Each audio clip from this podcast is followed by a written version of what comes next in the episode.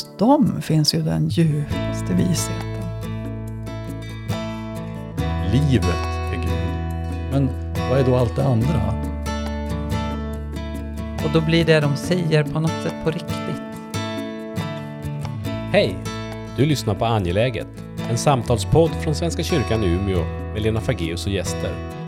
Idag är temat andlig längtan och gäster är Christer Rosenqvist och Gustav Eriksson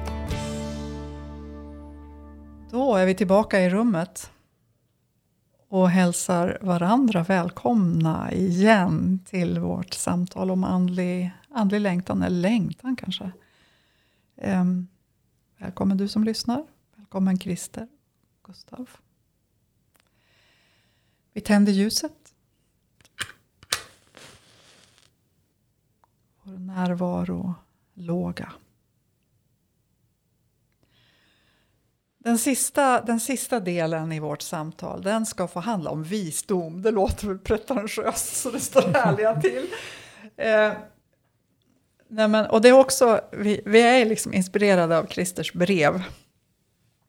Eh, nej men det där, eh, du skrev några rader om, om eh, ja men, hur pratar vi egentligen? Att det, att det finns någonting som blir väldigt attraktivt när man märker eller anar en djupare visdom hos människor. Det är så otroligt vanligt och lätt att eh, vi liksom pratar på ytan eller babblar. Eller, eh, men eh, hur...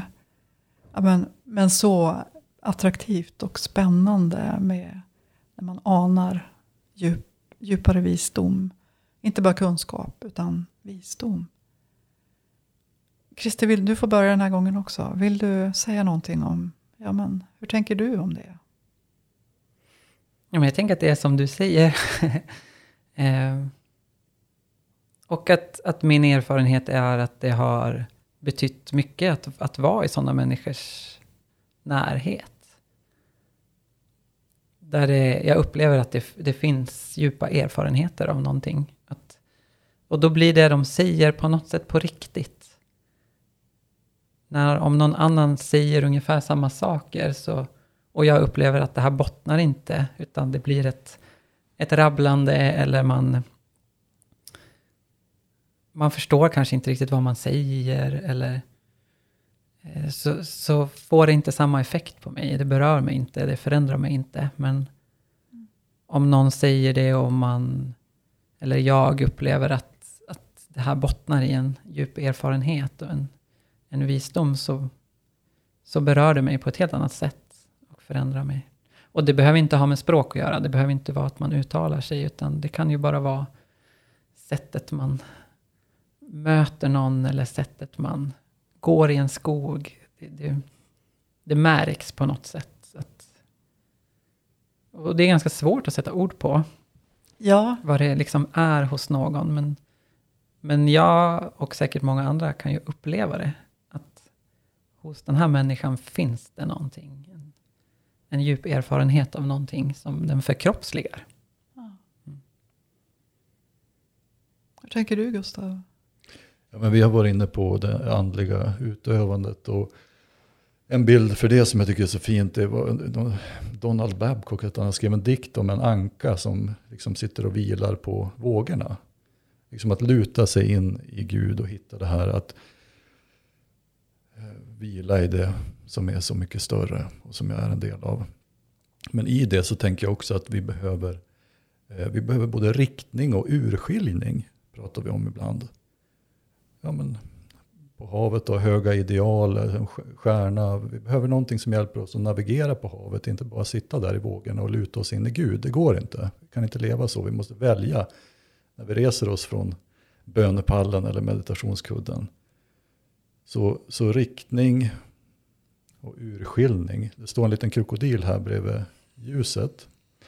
Och den där lilla ankan behöver ju fatta att om det sticker upp två näsborrar i vattnet, va, som kommer farandes där så behöver den kunna ha urskiljningen att det här, är, det här kan vara en farlig krokodil. Så eh, urskiljning och riktning tror jag eh, är det jag tänker på när jag hör ordet visdom. Jag tyckte det var skickligt att du fick med krokodilen. Vi skämtade om det innan, för det, vi fick nämligen ett litet fat med ljuset som står på ett litet fat. Och då följde det med en liten leksakskrokodil och vi skulle få pris. Undrar vad det blir för pris. Om vi kunde få in det i vårt samtal. Gustav får priset nu. Jag ser fram emot detta. Ja, nej men det är intressant. Alltså, jag, det är intressant att fundera. Ja, men, fundera över, är det där någonting som, alltså är det någonting som man ska sträva efter, visdomen? Eller är det någonting som kommer till en?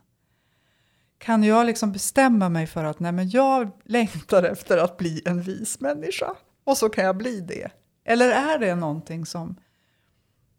Du pratar om urskiljning och att man måste träna sig på att se, känna igen näsborrarna från krokodilen. Och, vi, och, och, du, och du, Christer, pratar om att ja, men det, finns någon, det finns någonting i tonaliteten, om man nu kan använda ett sånt ord, hos en människa när man känner att det här har bottnat. Eh. och det blir ju också något oerhört attraktivt. Personer som bottnar blir ju attraktiva. Man vill vara i närheten av dem. Kan man sträva efter det? Eller är det någonting som sker med en? Jag tänker att det är både och. Jag tänker att man kan... Jag tänker att det kan krävas ett del jobb för att förstå att visdomen redan fanns där från början. Mm. Jag tror redan att, att, att den gåvan är redan gedd på något sätt. Men att det kan krävas ett visst arbete för att upptäcka det och kunna leva den. Mm. Så, och så tänker jag att det är för alla. Sen kan säkert omständigheter och allt sånt snabba på processer och eh, olika livsvägar kan liksom påverka ganska mycket. Och för vissa tänker jag att den verkar bara slå ner i huvudet. Eh, utan något arbete eller sådär. Eller att man nästan, att det bara händer. Men för många tänker jag att det är ett arbete att förstå hur vis man redan är. Mm. Det slår mig när du, när du pratar sådär att jag tänker att jag har inga egna barn, men jag är rätt mycket med barn. Och eh, alltså hos dem finns ju den djupaste visheten. De ser, poff, de säger poff, liksom rakt på utan, utan eh, puts på något sätt. Så att, utifrån det så, så kanske det handlar om att skala rent, skala, skala bort, liksom återvända till det där barnet i sig själv. Att det, att det är det jobbet. Det är inte att erövra någonting. Utan det är att skala bort. Mm, det tror jag mycket sanning i. Och det som du eh, sa förut också, det här med att eh, någonting måste dö. Mm. Hänger ju ihop med det, tänker jag. Att det är någonting som, som måste få dö för att något annat som redan finns ska få återuppstå eller få ta plats. Mm. Uh, bara utifrån mig själv så, så uh, eh, ehm, apropå skala bort och barnet inom mig, uh, är jag ganska säker på inte är bara visdom. Det är lite blandat kan jag uppleva när jag skalar på något sätt i mig själv. Så jag tycker det är skönt också att tänka att visdomen behöver inte bara vara min. Det är skönt att kyrkan bär en visdom. Även om jag behöver vara ansvarig för vad jag lutar mig in i. Men, men, eh, ja, men det är ett viktigt perspektiv. Mm, det är, ja. finns ju en tendens, och jag märker att jag har det också, verkligen en tendens att jag tänker inte vi, utan jag tänker jag. Alltså att, att det är så otroligt fokuserat på individen och individens utveckling och individens, eh, jag menar, var och en har ansvar för hur man hanterar sina känslor och sina relationer och så. Men, men att, att tänka att ja, men, jag är ihop med andra menar, ja. Ja, men och, be, och, berättelser kan bära visdom och ritualer kan bära visdom. Och, eh, mm. så att, ja, jag håller med, det är ett viktigt perspektiv. Ja. Mm. Det är skönt ibland. om inte annat. och, och, ja, men jag, jag, jag tycker det, jag, jag har ju tyckt mycket om tysta retreater och så vidare. Och så var vi på ett prästmöte för en massa år sedan och då var det en, en föreläsare som, som, sa, som inte gillade tysta retreater. Och som sa att i tystnaden tar djävulen ordet. Och det tyckte jag var så knäppt då. Och jag bråkade lite med det. Och sådär. Men nu skulle jag nog kanske vara beredd att hålla med lite mer. Även om jag inte håller med om slutsatsen. Alltså, jag tänker när vi pratar om att skala bort för att hitta liksom vår inre visdom. Jag, det känns som att ett återkommande tema för oss idag också är mm. både och. Men absolut, att, att, att i tystnaden och i avskalandet, att, att vi kan hitta en eh, visdom som vi inte heller äger personligen, men på något sätt som, som hör till. Men inte bara. I avskalandet och i tystnaden upplever jag i alla fall att det är andra saker som talar också. Och som drar åt helt andra håll. Men som kanske är bra att de får komma till ytan och får eh, det blir också en chans att möta och tilltala det andra i mig som inte är visdom. Och eh, oftast så är det väl bäst att inte bara trycka ner sånt under ytan. Men det tycker jag hör till i, i, i avskalandets process också. Så. Och jag vet inte om det kan bli visdom heller om man inte möter sina demoner. Vad tror ni? Jag tror nog de flesta behöver göra det på vägen. Att det är en del av, av avskalandet. Eller, och jag tänker som du, att, att eh, det är inte gott att trycka undan det. Eh, men jag tror heller inte gott att liksom greppa tag i det. Eh, och Nej. göra det till sin identitet. Så, men, men det måste få komma upp till ytan och det måste få finnas och det måste få transformeras. Mm. Eh, jag tänker också, om jag, om jag tänker på människor som jag har mött som har burit mycket visdom, så har de så ofta varit... De har haft en så stark kompass på något sätt. Det är som att, att, att det har varit så enkelt att ta rätt beslut, att veta när man ska prata, när man ska vara tyst och eh, veta om man ska gå höger eller vänster. Det är som att det har flutit på så enkelt på något sätt. Att, att göra det som som skapar mest kärlek på, no på något plan. Och att det är, är mycket det som har liksom doftat visdom för mig. Mm. Men tänker du, tänker du att, att det har varit enkelt för dem att välja och gå? Ja, det tänker jag. Och det, det tänker jag att jag också kan ha en upplevelse av, och att alla kan ha en upplevelse av, att ibland är det enkelt. Ibland är det som att det bara flyter på. Mm. Eh,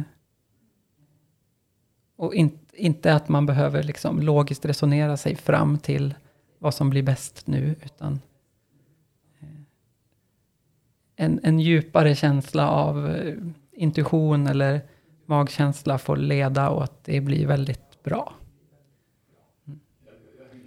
Jag, jag, jag, hänger med och det är underbara stunder när man känner att livet bara klickar ihop. Liksom, och nu är det så tydligt.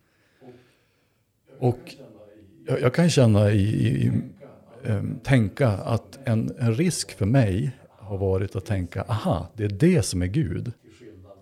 Till skillnad från det andra. Typ. Hur då?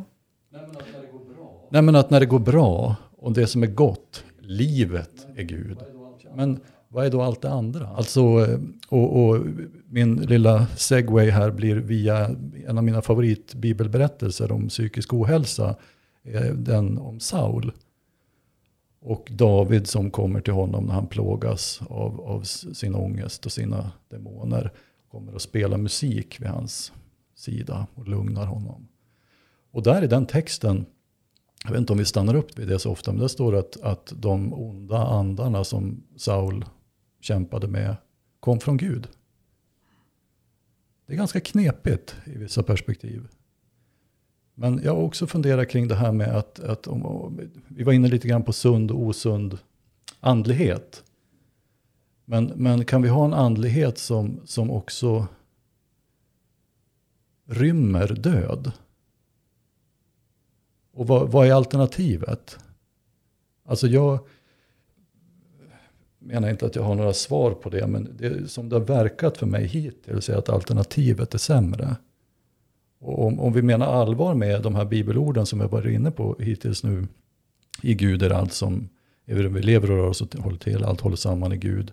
Om vi har den här helhetsbilden av, av Gud, så behöver det svåra rymmas i Gud. Och då, det, det menar jag som mot, lite motvikt mot att det är kärleken och när det går bra och vi är snälla mot varandra, då är det Gud. Så tänker jag också. Det är det som är så märkligt. Men jag känner att det andra behöver rymmas också, för annars blir det en väldigt dualistisk spänning som kan faktiskt bli ganska ångestfylld, kan jag känna i förlängningen. Hur, hur tänker ni? Mm, det är spännande det här. Nu drar det iväg känner jag. Oj, oj. Nej, men inte, nej, verkligen inte så Gustav. Du behöver inte... Mm. Utan, eh, nej men, vi har ju en tendens att tänka dualism. Alltså, Gud är kärlek. Mm. Det där obegripliga i Gud, det, det, tänker vi kanske inte ens är Gud. Utan det är någon slags motsats till Gud. Mm. Men tänk om det är som du säger, att det finns också, mörkret finns i Gud.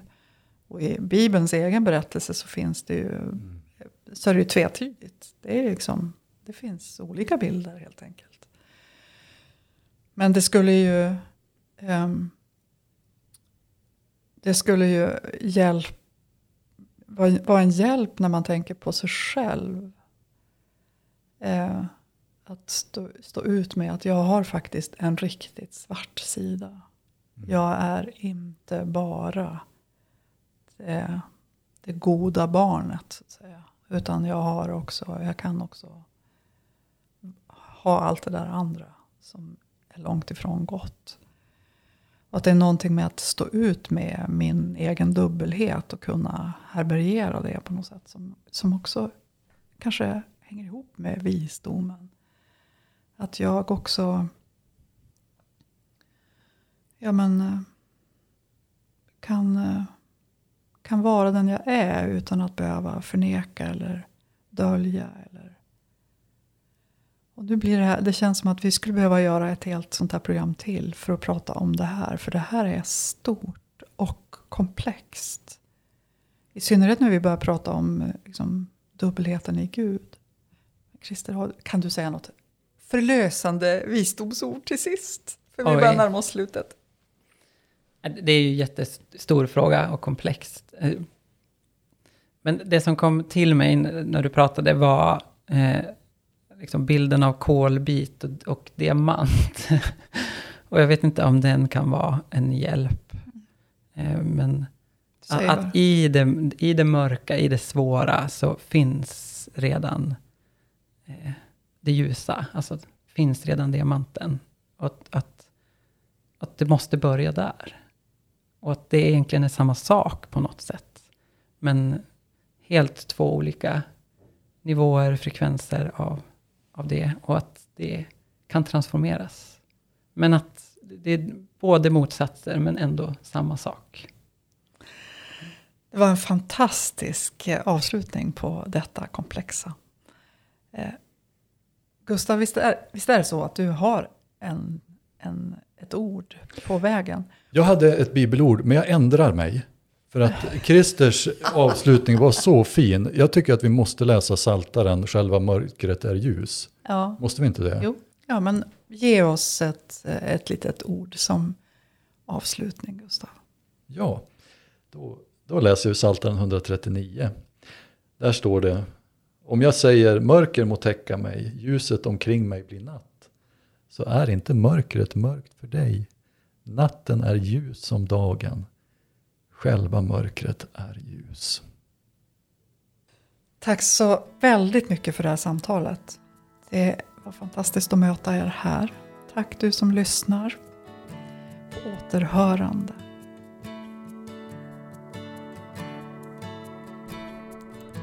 Du har hört Angeläget, en podd med Lena Fageus och gäster. Podden är producerad av Svenska kyrkan i Umeå. Vill du fortsätta samtalet når du oss på Svenska kyrkan i Umeås Facebook eller via e-post till umia.kommunikation.svenskakyrkan.se. Tack för att du lyssnade.